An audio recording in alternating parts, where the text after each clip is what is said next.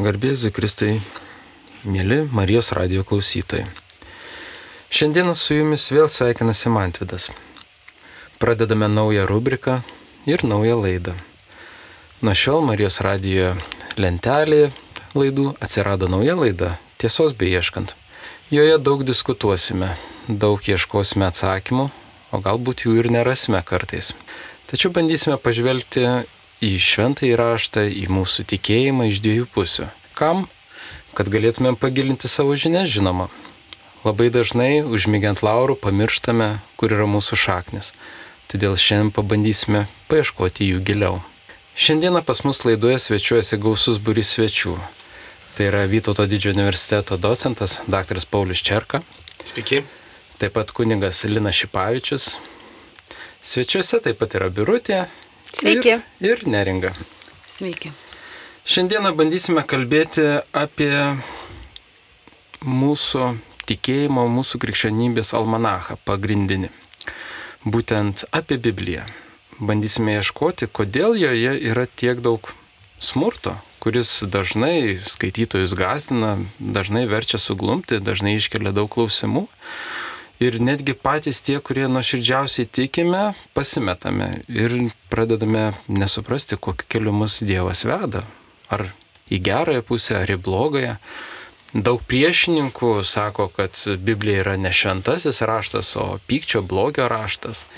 Pabandykime pasiaiškinti, nes iš tikrųjų daug klausimų kyla dėl to, kodėl taip yra ir kas čia atsitiko su tuo šventu raštu, kad jame mes randame tikrai abejotinų vietų. Gal pirmasis klausimas jums, Pauliau, būtų. Kaip galvojate, kodėl dažniausiai žmonės abejoja to šventų raštu, kodėl mato tiek daug smurto, kodėl jame yra tiek? Jūs kaip nagrinėjate Bibliją, galbūt galėtumėte tokį kažkokį išvesti vidurkį, vis tiek tai turbūt daug yra interpretacijų, daug simbolikos. Taip, iš ties šventas raštas gan sudėtinga knyga ir e, gali gautis, kad paėmė į nepasiruošę, mes e, galim perskaityti atrodytų iš pirmo žvilgsnio baisius ar nesuprantamus dalykus, bet iš tikrųjų nepadarykim greitų išvadų ir Kristaus asmuo turėtų būti raktas į švento rašto tekstą. Ir jeigu mums atrodytų, kad tas tekstas kalba akivaizdžiai nemoralius dalykus, greičiausiai yra aiškinimo problema. Gal mes neteisingai suprantam, gal yra vertimo niuansų, gal yra kultūriniai tam tikri momentai. Ir iš tikrųjų šventas raštas juk yra e, senovinė knyga, mena jau kelis tūkstančius metų. Natūralu, kad nebus taip lengva įminti ir suprasti kiekvienoje mintį.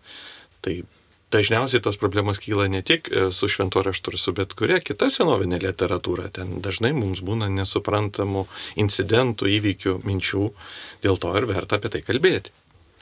Ar kartais Biblija ne, neprieštarauja savo, nes dažnai pastebime, jog e, kaip ir Kristus mus moko mylėti savo priešus, esame mokinami ir katekizmo, ir iš, iš senųjų žinių atėjusių melstį už priešą.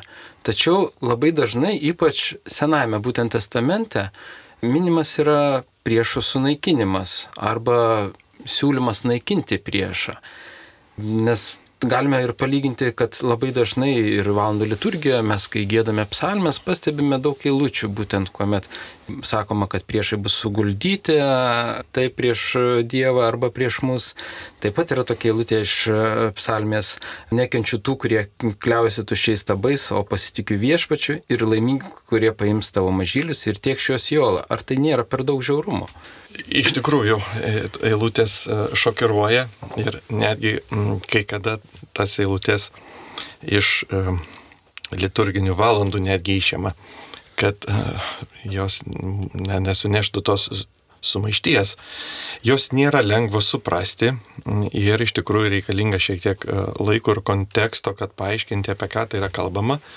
Viena vertus, labai dažnai vat, bažnyčios tėvai, jie taikydavo taip tipologinį šventą rašto aiškinimą ir vat, tas eilutės suprasdavo vaizdinių dėka, jog jos kalba apie priešus, tai yra mūsų nuodėmė rydas, kurias mes turime įveikti ir tarytum ta kovos scena yra e, ta vidinė dvasinė kovos scena tik pavaizduota tokiu būdu, tai irgi yra vienas iš galimų aiškinimų būdų, juk kalba pranašas, psalmistas. Taigi suprantam kaip vaizdinių ir tipologinę kalbą.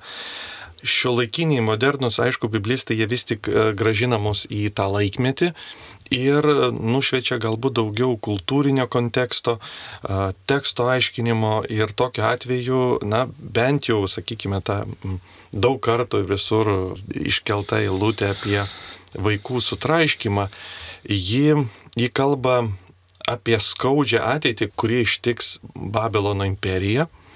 Psalmistas kuris rašo tas eilutes, yra Babilono tremtyje. Jis pats yra patyręs, jo tauta yra patyrusi kažką panašaus, panašau, panašų smurtą ir nujaučia, jog ateis toks pats smurtas ir tiems, kas jį sukėlė. Ir sakydamas, jog laimingas žmogus, kuris e, tai padarys, jis neturi omeny, kad tas žmogus yra Dievui patinkantis kažkaip, jis tiesiog e, terminą laimingas naudoja kaip sėkmingas, kad jam pasiseks tai įvykdyti ir tai tiesiog yra labai liūdnos, labai šokiruojančios ateities numatymas ir jos išsakymas. Šiuo atveju jis pats juk nesiema tokių veiksmų, jis neskatina kitų jų imtis, mes to neturime, nuo tokios interpretacijos, kurie atrodytų iš pirmo karto perskaičius e, skambėtų, tai tiesiog yra numatymas tų skausmingų karo žiaurumų, kurie dėja ir šiais laikais yra labai žiaurus, ir tais laikais buvo žiaurus, tų žiaurumų neišvengiamai įvyksiančių numatymas. Tai šiuo atveju tai būtų šventą rašto viena iš tokių interpretavimų, kad jis numato žiaurumus apie jos kalbą. Ir matot, mes negirdim tono, su kuriuo jis sakė tas eilutės. Dažnai mes įdedam patys, įrašom tą toną kaip pikdžiugišką, pavyzdžiui, toną ar kažkokį tai kitą ir jos nuskamba vienu niuansu, bet jeigu mes pakeistume kalbėtojo toną į liūdėsio, į skausmo toną, mes visai kitaip išgirstume tą pačią eilutę tono nėra, tono mes numanom. Ir dažnai tas vat, netokio tono įrašymas visai kitaip atspalviai prideda tai pačiai lūtį. Tai aš sakyčiau, čia yra, na, galima tipologiškai skaityti, galima matyti apie tą neišvengiamų žiaurumų ateimą ir, ir to nusakymą tokia poetinė kalba. O galima paklausti, o aš norėjau paklausti, esu girdėjusi vat, per Marijos radijo laidas, man atrodo, kunigas Valkauskas pasako, kad vat, tuo metu tai buvo tiesiog smurto kultūra. Ir visi bėgdavo ten, sakykime, į aikštę stebėti, kaip kažkas yra tenais pakariamas ar, nu, vat, kažkoks toksai kaip atrakcija, ar ne, kaip kažkas nubaudžiamas kur šiandien atrodo manęs varu nenuvarytum į tokią atrakciją. Nu, ta prasme, šio, šio laikinė kultūra žmonės į tokius dalykus visai. Matot, kinas dabar atsirado. Jo, kinas atsirado, bet ta prasme ne visi žiūri tą kiną. Jie renkasi, kas nori žiūri, kas nori nežiūri.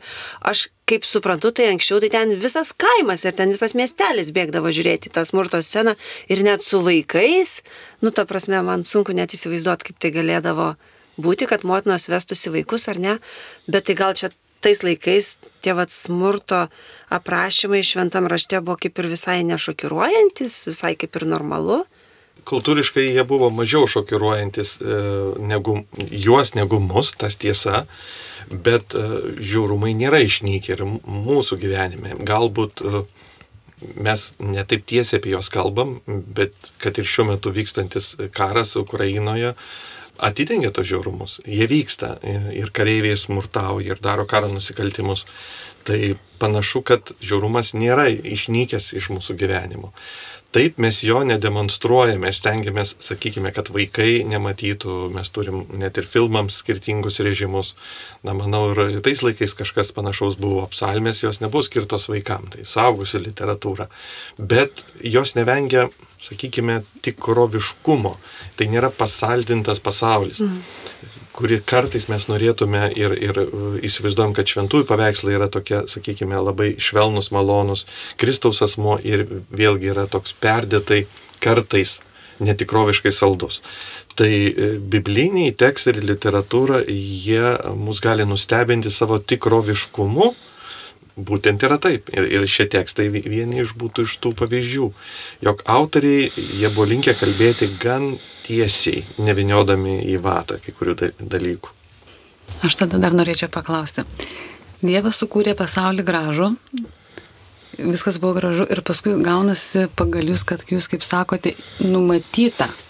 Yra daug dalykų, Dievas pranašavo, kad numatyta, tai blogis iš anksto numatytas, taip išeina tas žiaurumas, kad Nu, numatytas tai turbūt e, akivaizdu, jeigu Dievas yra, ne, ir jeigu jis yra visažinis, tai aišku, kad jis turėjo tai numatyti. Čia daugiau klausimas sudėtingesnis yra, kodėl jis tada kūrė ar ne tą pasaulį, jei jis jau viską matė. Ir iki galo mes tikrai nežinom visko, tam ir esam kūriniai. Bet yra tam tikras die, tam tikra Dievo išmintis, kuri netgi blogiui esant jį panaudoja na, tam tikriems labai brangiems dalykams subręsti. Na ir šiandien pasakytume, kaip vyksta žmogaus branda. Negali žmogus subręsti, jeigu jo gyvenime nėra iššūkių ir sunkumų. Jį reikalinga jam yra. Jį paveikia jį teigiamai. Taip, gali ir sugniuždyti, bet tinkamai naudojant tam tikrą spaudimą, tam tikrą skausmą, tam tikrą stresą, tu gali išaugdyti labai labai svarbius dalykus ir, kas įdomiausia, kitaip jų negali išaugdyti. Na, negali čempionas tapti čempionu be skausmo. Tai panašu, čia tik viena iš priežasčių, kad Dievas numatydamas tą skausmą, kuris sukelia blogis, jį leidžia ir jį panaudoja na, tam tikriems geriems dalykams tarpti. Pavyzdžiui, mes galim padėti žmonėms, kurie yra nelaimėje. Ir jeigu nebūtų nelaimių, mes negalėtume netgi e, parodyti tokio dalyko kaip pagalbos. Čia iš tų, kurie nepatiria, bet yra šalia žmonių. Taigi daug įvairių galimybių atsiveria tik tada, kai yra kažkoks skausmas ar nepriteklius. Greičiausiai, nu, tai yra tos brandos ir augimo, vystimosi sąlyga. Dėl to Dievas sukūrė pasaulį, kuriame tai gali būti. Kunigalinai, ar dažnai sulaukite klausimų dėl smurto Biblijoje? Turbūt kiekvieną kartą, kada dalyvauju klaus drąsiai laidoje. Bet aš noriu tokią padaryti truputėlį įžangą, kad Biblija yra skirta arba Biblija pasakoja Izraelio tautos istoriją. Ar ne? Ir yra laikmečiai. Ir su kuo jinai susiduria, tarkime, mes turime pradžios knygą ten. Abromo istorija, paskui jau Jokūbo istorija, paskui išėjimas iš Egipto, vedimas į pažadėtą žemę. Tai yra konkrečios tautos istorija. Ir jinai pasakoja, kaip viskas vyksta. Ir, ir tarkime, kas jiems įsirėžia į tą, sakykime, istoriją, ne? Tai įvairiausi karai, įvairiausi užpolimai, netgi pergalės, kada, tarkime, jų yra mažiau, bet jie nugali didesnę kariuomenę, nes tai, na, truputėlį įsirėžė į atmintį. Ir paskui ta tokia žmogiška istorija, tarkime, ten nukariavimas vienos tautos arba nukariavimas vienos teritorijos, tada įpinama truputėlį teologijos, kad tai yra su Dievo pagalba. Nes mes be Dievo nebūtume nugalėję ten vienos tautos arba vienos teritorijos ir taip toliau, ir taip toliau. Taigi tai yra Izraelio tautos istorija, plus paskui parodomas jų tikėjimas. Jeigu mes per šitą prizmę pradėtume žiūrėti, tada truputėlį mes kitaip suprastume. Ir kaip kalbėjome, kad tais laikais tai na, buvo laukinių žmonių laikai. Ir tarkime, kas fiziškai stipresnis, kas didesnis, tas ir valdydavo. Ir, ir dėl to e, tas toks aksinas arba toksai, nu, tokia, kaip sakoma, specialiai įtaka, kad ten, kad kiekviena šeima turėtų daug vaikų. Dėl ko taip yra? Dėl to, kad vienu žodžiu tie vaikai užaugę ap, apsaugotų šeimą. Tie, tie vaikai turėtų tavo apsaugą. Tai dėl to Izraelį yra irgi tie daug vaikų.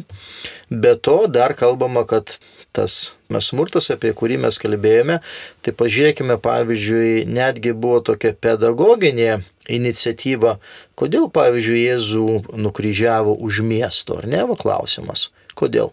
Kad visi, kurie ėjo į miestą, matytų, kad vienu žodžiu su maištininkais tai bus pasielgta, ar ne? Kad tu eidamas į tą miestą arba gyvendamas Romos imperijoje, tu nemaištautum ir tu, kaip sakoma, nešokinėtum prieš Romos imperijos valdžią. Dėl to, vat, e, tarkime, ne tik tai, kad ten eidavau pasižiūrėti ten aikštės, kad ten va, kažkam tai nukerta galvą, bet rytum buvo kaip ir privalomas dalykas, kad tu vat, ateik pasižiūrėk ir kad jeigu tu pasielgsi netinkamai, tau tos tas pats laukia. Iš tikrųjų, Aš pastebėjau tokį dalyką, kad e, žmonių e, netgi ir noras stebėti smurtą nepasikeitęs, kadangi kiek žiniasklaidoje tenka stebėti, tarkime, e, skaitomumus žinių, tai visgi kriminalai visada pirmauja. Tas pats kaip internetas po šiai dienai pirmauja pagal pornografiją. Taip, tai yra įdomiausia, svarbiausia ieškoma informacija, bet kuriuo atveju. Bet man vat klausimas tada kyla galbūt, jeigu mes kalbame apie tautos istoriją, tada reikia suprasti, kad Biblija rašė nugalėtojai ir užkariautojai turbūt.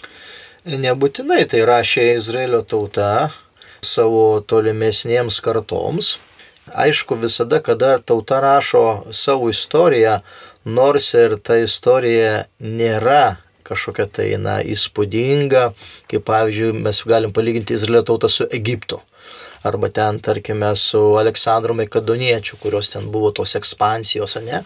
Bet vis dėlto nuo Biblijoje jaučiama, kad norima susilyginti ir autorius kartais, ypatingai semitinis tas e, rašymo žanras, jisai truputėlį na perdeda, kad ten vat, rašo, kad ten tiek tūkstančių karių buvo ten tame mūšyje, arba ten susitelkė kariuomenė tiek ir tiek ten tūkstančių, faktinai ten tų tūkstančių nebuvo, ten truputėlį buvo daug mažiau.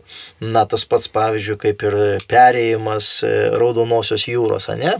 Tai ten kaip žmonės, va, įsivaizduoja, arba paveikslai, kad ten ta didžioji ten jūra, priejo Mozė su lasda, palėtė ir ten ta jūra nusausėjo ir viskas. Iš tikrųjų, ten perėjo per Nilo deltą ir ten tam tikrų laikotarpių labai sumažėjo to vandens ir galima pereiti nučiut nebasomis kovomis. Bet Biblija na, irgi parodo ir rašo, truputėlį su tokiu nupatosu, kad tai, tai yra, na, tikrai įspūdingas dalykas. Tie visi stebuklai, apie kuriuos ten, sakykime, išėjimas iš Egipto, tai, tai yra, na, moksliškai savo, kad tai yra įrodoma viskas logiškai, tik tai svarbiausia, kad tai įvyko būtent tuo laiku.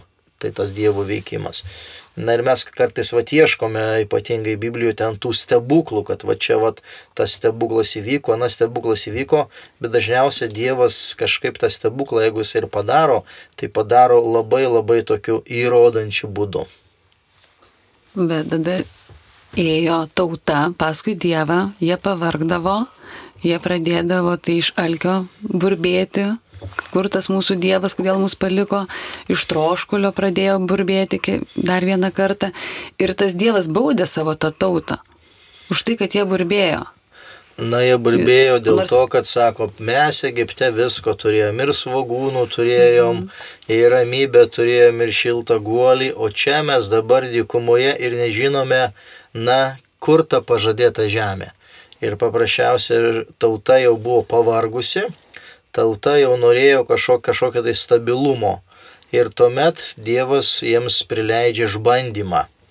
Tai, tai nėra kažkokia, na, galima sakyti, tai bausmė kabutėse, bet tai yra išbandymas, kad tie, kurie, na, pikdžodžiauja prieš viešpati Dievą, tai yra, na, darantis nuodėmę, kad jie, na, patirtų tam tikrą pedagoginį tokį na, kalbėjimo būdą. Ir paskui mes ten skaitome, kad, tarkime, kas paskui ten Mozė padirbino varinį žaltį, kas jį pažiūrėjo, nors ir buvo įkasta gyvatė, jie pagydavo. Tai irgi tas toksai vėl sugrįžimas prie, prie Dievo, bet visada yra, na, Biblija kalba apie tą tavo klaidos supratimą, kad tu čia suklydai, tu čia blogai padarėjai ir tada tu tavo troškimas grįžti prie Dievo. Ir jeigu tada tas įvyksta, tas, kaip sakoma, pamatymas savo klaidos arba nuodėmės ir paskui atsivertimas, sugrįžimas prie Dievo, vėl viskas yra gerai. Žiūrėkime pavyzdžiui, koks yra pats mylimiausias Dievo karalius. Tai yra karalius Dovydas, ne? Nes tik tai Dievas išrinko karalių Dovydą, ne savo visus, visus kitus kažkas kiti išrinko. Vat, vat viešpats pats įsirinko savo karalių Dovydą. Ir tarkime, kada Dovydas padaro ten vieną nuodėmę ar ne, jisai taip pat gauna iš Dievo atgailą, kaip, kaip yra su Bačeba, ne, yra Ūrija e, ten kitų rankomis Dovydus nužudė ir netai sako, ateina pranašas Natanas ir sako, tavo sunus mirs. Nes jisai pradėtas iš nuodėmės bet paskui gimsta kas? Saliamonas. Ir vėl Davido istorija tęsiasi. Paskui vėl Davidas ten gale sumano, na, reikia suskaičiuoti tautą. Ir jisai suskaičiuoja tautą. Ir vėl yra nuodėmė. Ir vėl Dievas jam duoda, sako, rinkis, kokią nori bausmę ten. Ar ten raupsai, ar ten tas, ar ten tas, ar ten tas, ne? Tai va ta istorija tokia va sukasi. Ir pavyzdžiui, tokia Dievo pedagogika, jeigu tu kažką tai padarėjai, tai tau yra tam tikras išbandymas kad tu, na, pajaustum. Ir tai aš manau, kad tai yra svarbu, nes dabar, pavyzdžiui, mūsų katalikų bažnyčioje, jeigu žmogus padaro nuodėmę, na tai ką, jis ateina pas kunigą į klausyklą, pasako savo nuodėmės, kunigas sako tris kartus veika Marija. Ir viskas. Ir toksai, žinai, toks visiškai nėra loginio mąstymo, nes kas tai yra sveika Marija, tai yra malda tai tu dabar turi už nuodėmę, už atgailą kalbėti maldą, supranti. Tai aš manau, kad tada žmogus turi atitaisyti savo blogą darbą ten kažką tai dar padaryti, ar ne? Ir tik tai tada malda toksai kaip jau, jau užbaigimas, toks apogėjus, padėka viešpačiu Dievu, kad aš vat vėl grįžtu į santykių su Dievu teisingai viską jūs sakot, bet man, žinokit, vis tiek kirba toksai širdį, kad, bet, nu, ar tos bausmės netrodo tokios neproporcingos, kur už smulkmeną ten tikrai mirties bausmė, ten palėtė sandoros skrynę ir... Šiais laikais mums dabartiniam žmogui tai yra, na, tikrųjų, nu tai netelpa galvoj, bet pavyzdžiui, kaip ir vat, pirmais amžiais mes skaitome krikščionių istoriją, tarkime, netgi tie imperatoriai arba kažkokie tai labai svarbus žmonės, kurie nusidėdavo, tai jiems būdavo atgaila užduodama, pavyzdžiui, kaip pavyzdys, du metus stovėti prie bažnyčios durų ir prašyti kiekvieno einančio už jį, kad pasimelst. Imperatoriui. Imperatoriui. Ir, ir jie paklusdavo ir jie tokiai bausmiai? Taip. Oho. Arba kažkokia. Tai, tai, tai čia supranta dabar mes, va, kaip kalbėjome apie tas maldų kalbėjimas, tai čia, čia labai labai jau mes nutolome nuo to. Ir taip pat, pavyzdžiui, čia Biblijoje parodomas koks yra šventumas arba, arba šabato arba sandoros skrynios. Kad jeigu, pažiūrėjau, kas sulaužo šabatą, kaip ten rinko šapus, kad e, užkurti laužą ir pasišildyti valgyti, jisai buvo užmėtydamas akmenėmis. Tai koks yra svarbus šabas, ar ne? Tai yra viešpaties diena. Tas pats, kokia yra svarbi ir šventa sandoros skrinė, kad niekas negali prisiliesti, tik tai kunigai. Čia va tas yra akcentas. Klausimas, kiek ten tų buvo įvykių, tai čia jau kitas dalykas. Bet kad tokia buvo nuostata, tai, tai yra, yra, yra faktas.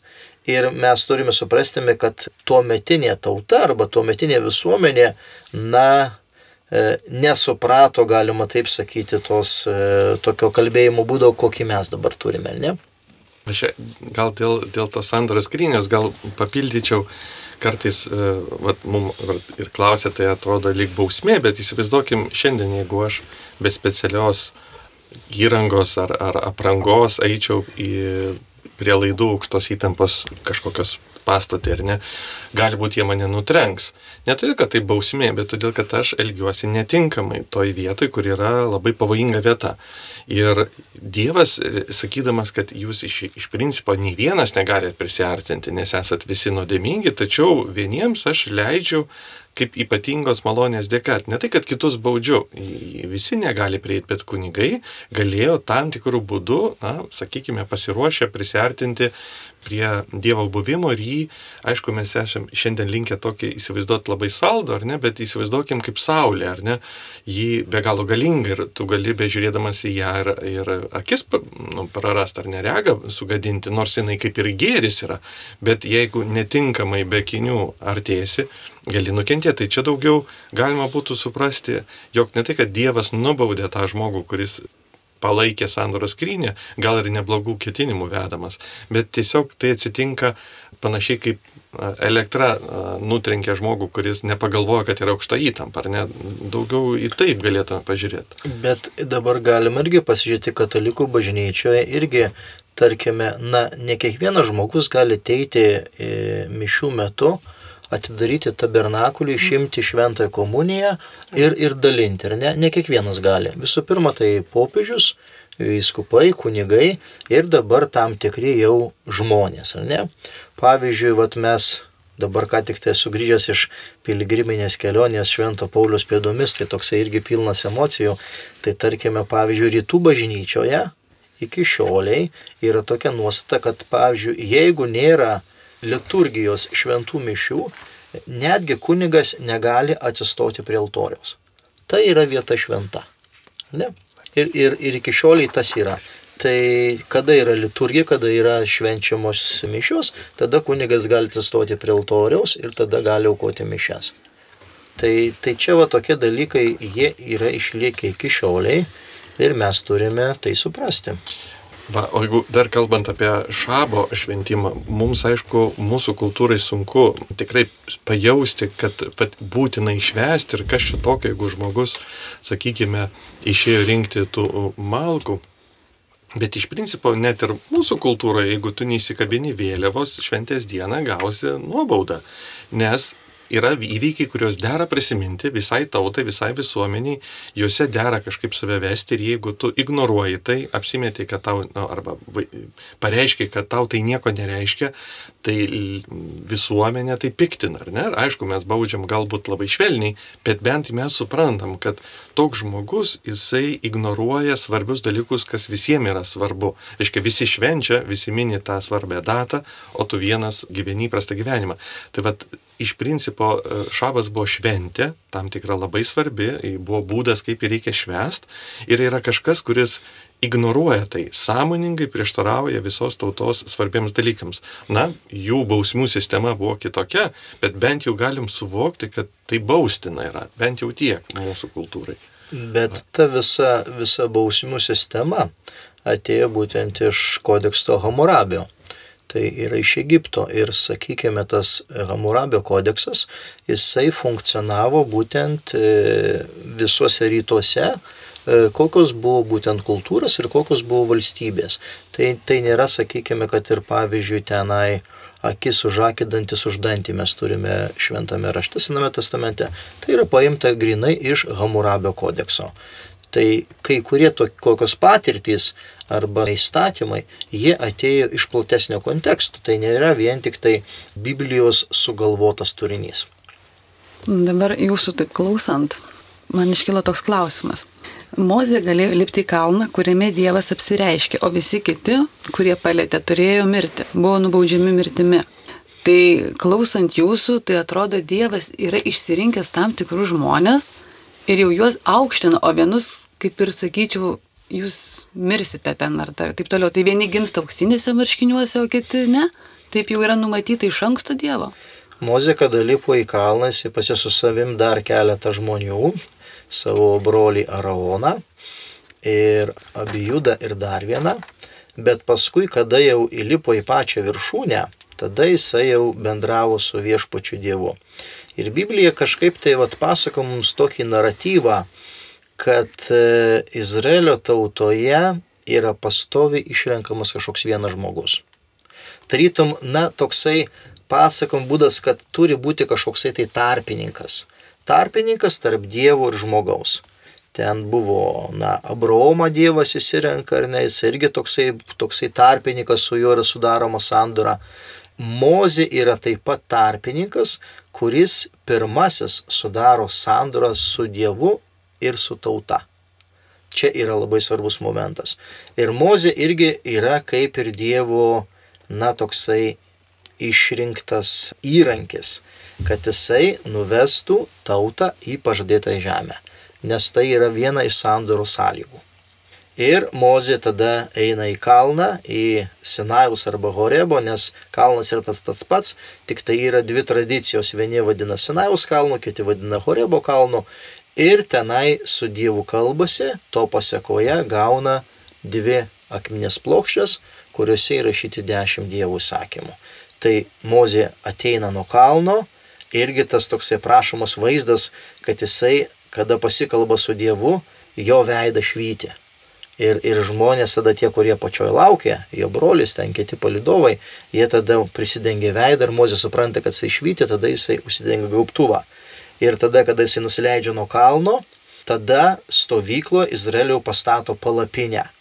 Ir kad, kad galėtų tauta, bet e, kažkokias tai atėję prašyti kažkokių tai prašymų, tada Mozė eina į tą palapinę, meldžiasi arba kalbasi su Dievu ir duoda tautai atsakymas. Bet tas, sakykime, tarpininko, kaip jūs vad klausėte, na, personažas arba veiksmas, tai jisai praktiškai, na, jisai eina, eina per tą istoriją, paskui aišku tarpininkai būna teisėjai, paskui pranašai ir praktiškai iki Naujojo testamento. Jėzus irgi yra tarpininkas tarp dievų, tarp dievų ir žmonių. Toksai pirmas buvo, na, na toksai kalbėjimo būdas. Tai jūsų klausant ir skaitant Bibliją, tai jau Dievas yra numatęs N metų į priekį ir žino, kas jau bus tarpininkas. Jo nors dar tas gali būti ir negimęs asmuo. Galima Šiai taip pasakyti, nes jeigu mes kalbam, pažiūrėjau, apie Joną Krikščitoje, arba, arba sakykime, apie kitus asmenis, ypatingai Biblija pasakoja, kada turi kažkoksai tai būti, na, nepaprastas asmuo, tai jisai taip pat jau gimsta tokiomis nepaprastomis sąlygomis, vat kaip Mozė ar negimė, ten, į, ten įdėjo į upę ir paleido, ten e, tas Samsonas, sakykime, irgi teisėjas, irgi ten jisai, na, jo negalėjo susilaukti ilgai e, tėvai, arba netgi Naujame testamente. Irgi Jonas Krikštatojas, irgi, na, tėvai jau buvo senyvo amžiaus, negalėjo susilaukti. Tai kada yra kažkoksai svarbus asmuo Biblijoje, kuris įneša į biblinę istoriją kažkokius tai, na, svarbius dalykus, jo jau netgi gyvenimas nuo pat pradžios prasideda taip nepaprastai nežmogiškai, galima sakyti sudėtingai. Bet va Biblija turi tą tendenciją, kad stato visą istoriją ant vieno žmogaus ne ant bendruomenės, ne ant tautos, bet, va, sakykime, iš tautos išeis tas vienas žmogus kažkoksai tai ir tarytum laukia kaip to atpirkėjo. Man dar tada kilo klausimas. Uh, iš tikrųjų, Nojaus istorija yra labai tokia ir įspūdinga, ir graži, dažnai piešiama paveiksluose. Iš vienos pusės jinai yra labai žiauri. Daugeliu žmonių kyla klausimas, kodėl Dievas pasiryžo išžudyti absoliučiai visus žmonės ant žemės, o vienintelį Nojų su savo šeima palikti. Bet jeigu dabar vat, jūsų klausant, taip išeina, kad Biblijoje labai dažnai yra aprašoma yra simbolika ir tiesiog yra atviras laukas interpretacijoms.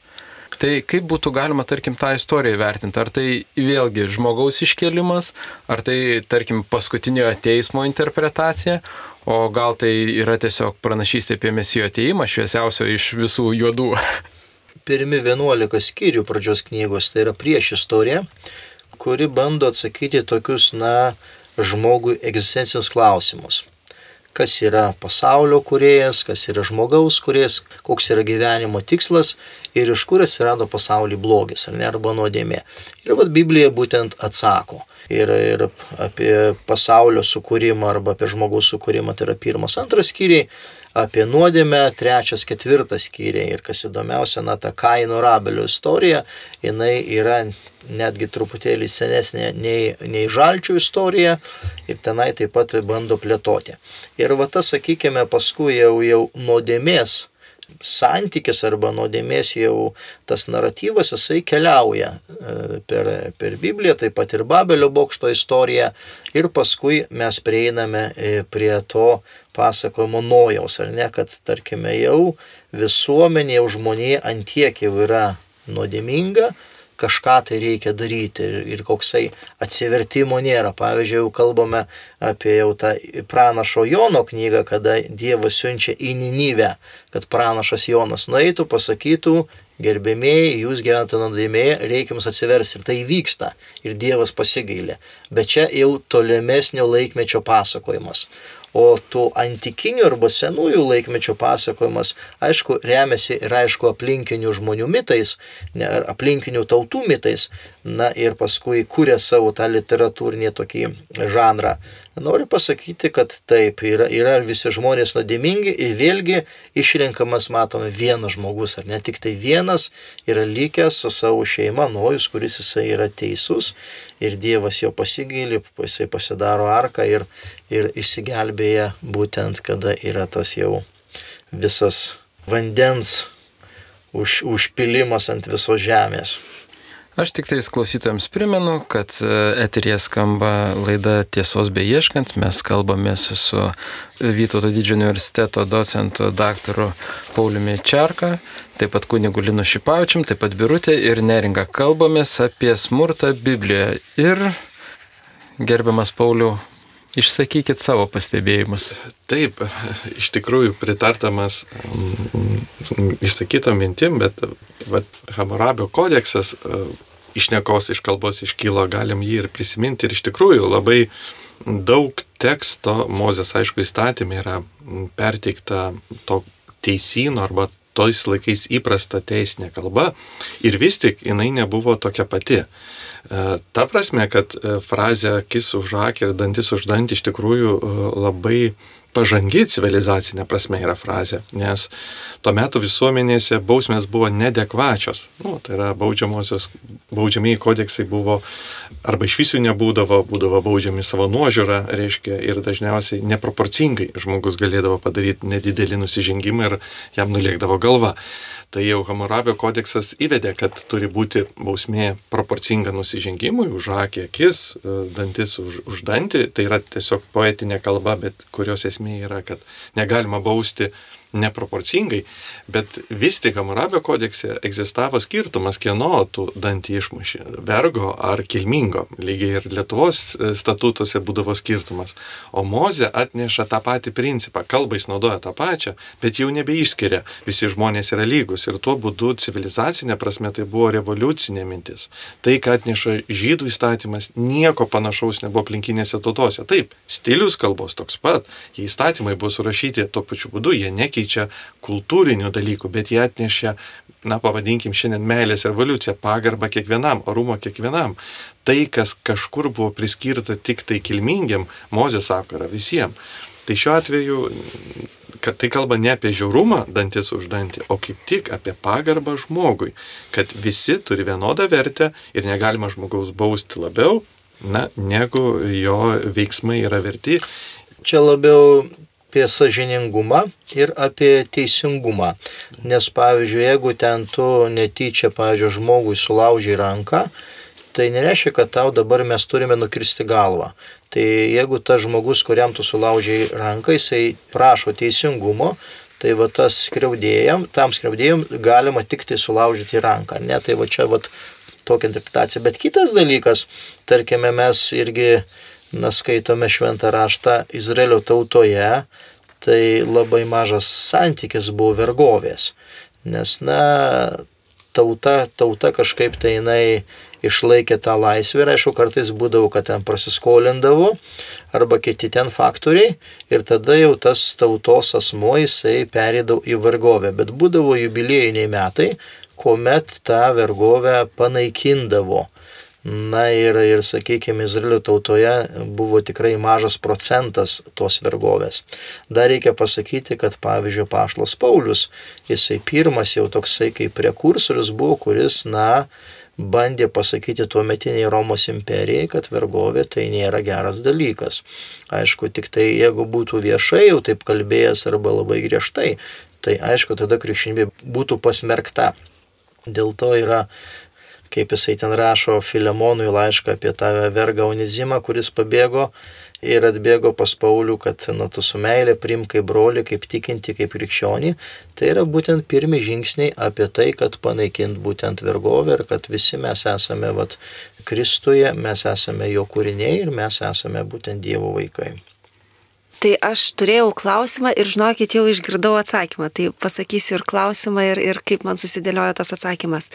Kada kalbėjom visą tą laiką apie smurtą ir, ir vat, apie nojaus tą istoriją, aš galvojau, taip savo galvoju, nu kam reikia to viso ilgo smurto pasakojimo tiek daug iki Jėzaus, iki to vat jau Jėzaus smurto pergalės kažkokios. Tai, nes, nu, Jėzus irgi patyrė žiaurų smurtą. Nu, negalėjo Dievas to Jėzaus atsiųsti vat prieš nojų. Va ten jau buvo baisus bardakas, viskas buvo blogai, nu tai Dievulis paėmė Jėzų atsiuntė. Viskas susitvarkė, daugiau mažiau ir toliau gyvena. Bet klausant jūsų, aš supratau, kad jau, nu, kad tiesiog tai būtų buvę, nu, neįmanoma tai visuomeniai tokį šuolį padaryti, nes jau vien tik tai akis už akį, dantis už dantį jau buvo didžiulis progresas, ar ne? Tai aš galvoju, nu, nu taip kažkaip tai norisi to efektyvumo, galvoju, kodėl tas Dievas toks neefektyvus, kodėl iš karto Jėzaus šiandien neatsintė. Taip, e, tas klausimas iš tikrųjų kankina ne tik jūs ir teologus kankindavo, kodėl Kristus atėjo tuo metu, o ne anksčiau. Ir vienas iš atsakymų būtų, kad reikėjo taip pat pribręsti prie jo ateimo. Ir jeigu mes prašoktume tą brandą, kurie žmonija, kaip bendrai kaip žmonija, turi praeiti pati ir šiaip Dievas sutrumpintų tą brandą, mes nustotume būti mes. Mes nustotume būti laisvi žmonės. Reiškia, mes taptume kažkuo kitu. Kaip ir vaikas negali tapti suaugusiu staiga, sekančią dieną jis turi pereiti tam tikrus procesus, pajausti savo klaidas, nusivylimus.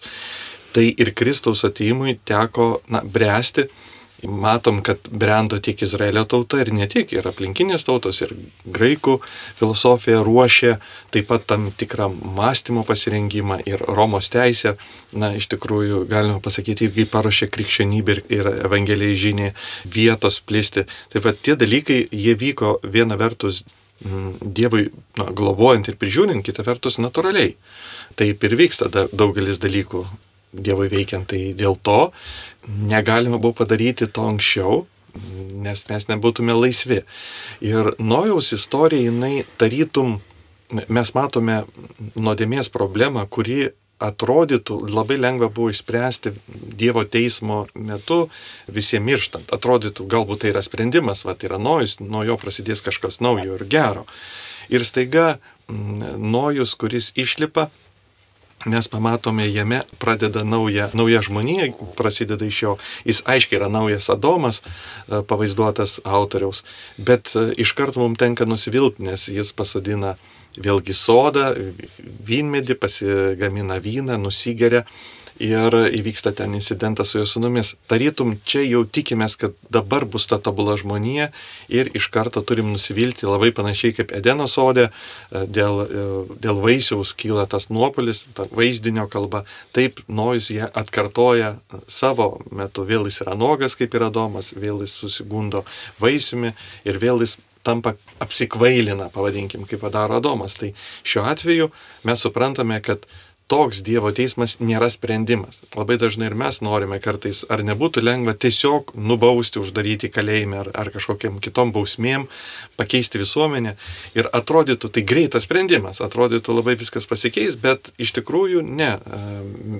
Tos tie blogas šaknis yra daug giliau, jų taip paprastai neišnaikinsi ir jos net ir atsinaujina iš tų teisiųjų, kurio mes labai vėlėmės, kad štai yra naujoji karta, kur jau tokia nebebus pasirodo, jinai vėl yra tokia pati. Ir va tą blogį gali išnaikinti jau Kristaus kryžius, visai kitoks Dievo teismas, reiškia Kristuje tas žiaurumas, jisai jau keičia žmogų iš vidaus. Bet Biblijos naratyvas, tarkime, apie Nojaus istoriją, visų pirma parodo, na, toksai labai toksai konstruktyvus kalbėjimo būdas, kad jeigu tu nusidedi, jeigu tu gyveni nuodimingą gyvenimą, tavęs laukia Dievo bausmė, ar ne? Netgi sunaikinimas. Tai yra pirma dalis. Antra dalis yra nojus, kuris jisai yra nuteisus Dievo akise, bet jisai nėra tobulas. Nors jisai išgyveno, e, kaip sakoma, tvaną, jisai įeina į naują istoriją, bet jisai yra tik tai Dievo kūrinys ir jisai taip pat padaro klaidas. Tai vad žmogui skaitant šitą istoriją, jam iš tikrųjų, na, yra visų pirma tok, toks pamastymas, kad jisai turi gyventi teisingai, sąžiningai, bet iš kitos pusės, stebint nuojų, jisai gali e, suprasti, kad taip pat jisai yra netobulas, ar ne? Ir daryti klaidas. Pavyzdžiui, kada mes skaitome viduramžių arba, nu, iš vis bažnyčios pasakojimus apie šventuosius, ar ne? Tai ten, pavyzdžiui, tam pasakojam apie šventąjį išrinkta viskas, kas negatyvu, tik tai yra kas pozityvu. Ir tada žmogus, kuris skaito šventojo arba šventų istoriją, galvoja, eina savo, tai aš negaliu taip gyventi, kaip jisai gyveno. Ir tada yra tokia, nu, kaip sako, nusivylimas nu kad aš taip negaliu, nu tai ten aš tai ir tą darau, ir aną darau, ir trečią darau, nes išimtas visas, kaip sako, negatyvumas. O Biblijoje nėra to. Biblijoje paliktas ne, negatyvumo žmogaus. Ir tada žmogus, kada skaito, jisai, pavyzdžiui, gali, nu, suprasti, kad, nu, aš irgi toksai pats, ne? Stengiuosi būti teisus, bet kartais man nepasiseka tą ir tą padarau. Kągi, mėly žiūrovai ir klausytojai, kai kas matys mūsų nuotraukas Facebook'e, kai kas tik tais klausys radijos. Priejome prie pirmosios šio sezono tiesos beieškant laidos pabaigos ir Atsisveikinsime, bet dar ne visiškai, kadangi šiandien daug nagrinėjomės apie smurtą Biblijoje, bet o jėtus dar, kiek dar yra nagrinėtis, kiek dar ieškotis ir kiek dar atrasti save. Šiandien pas mus laidoje viešėjo Vytauto didžiojo universiteto docentas dr. Paulius Čerka, taip pat kunigas Linas Šipavičius, Birutė ir Neringa.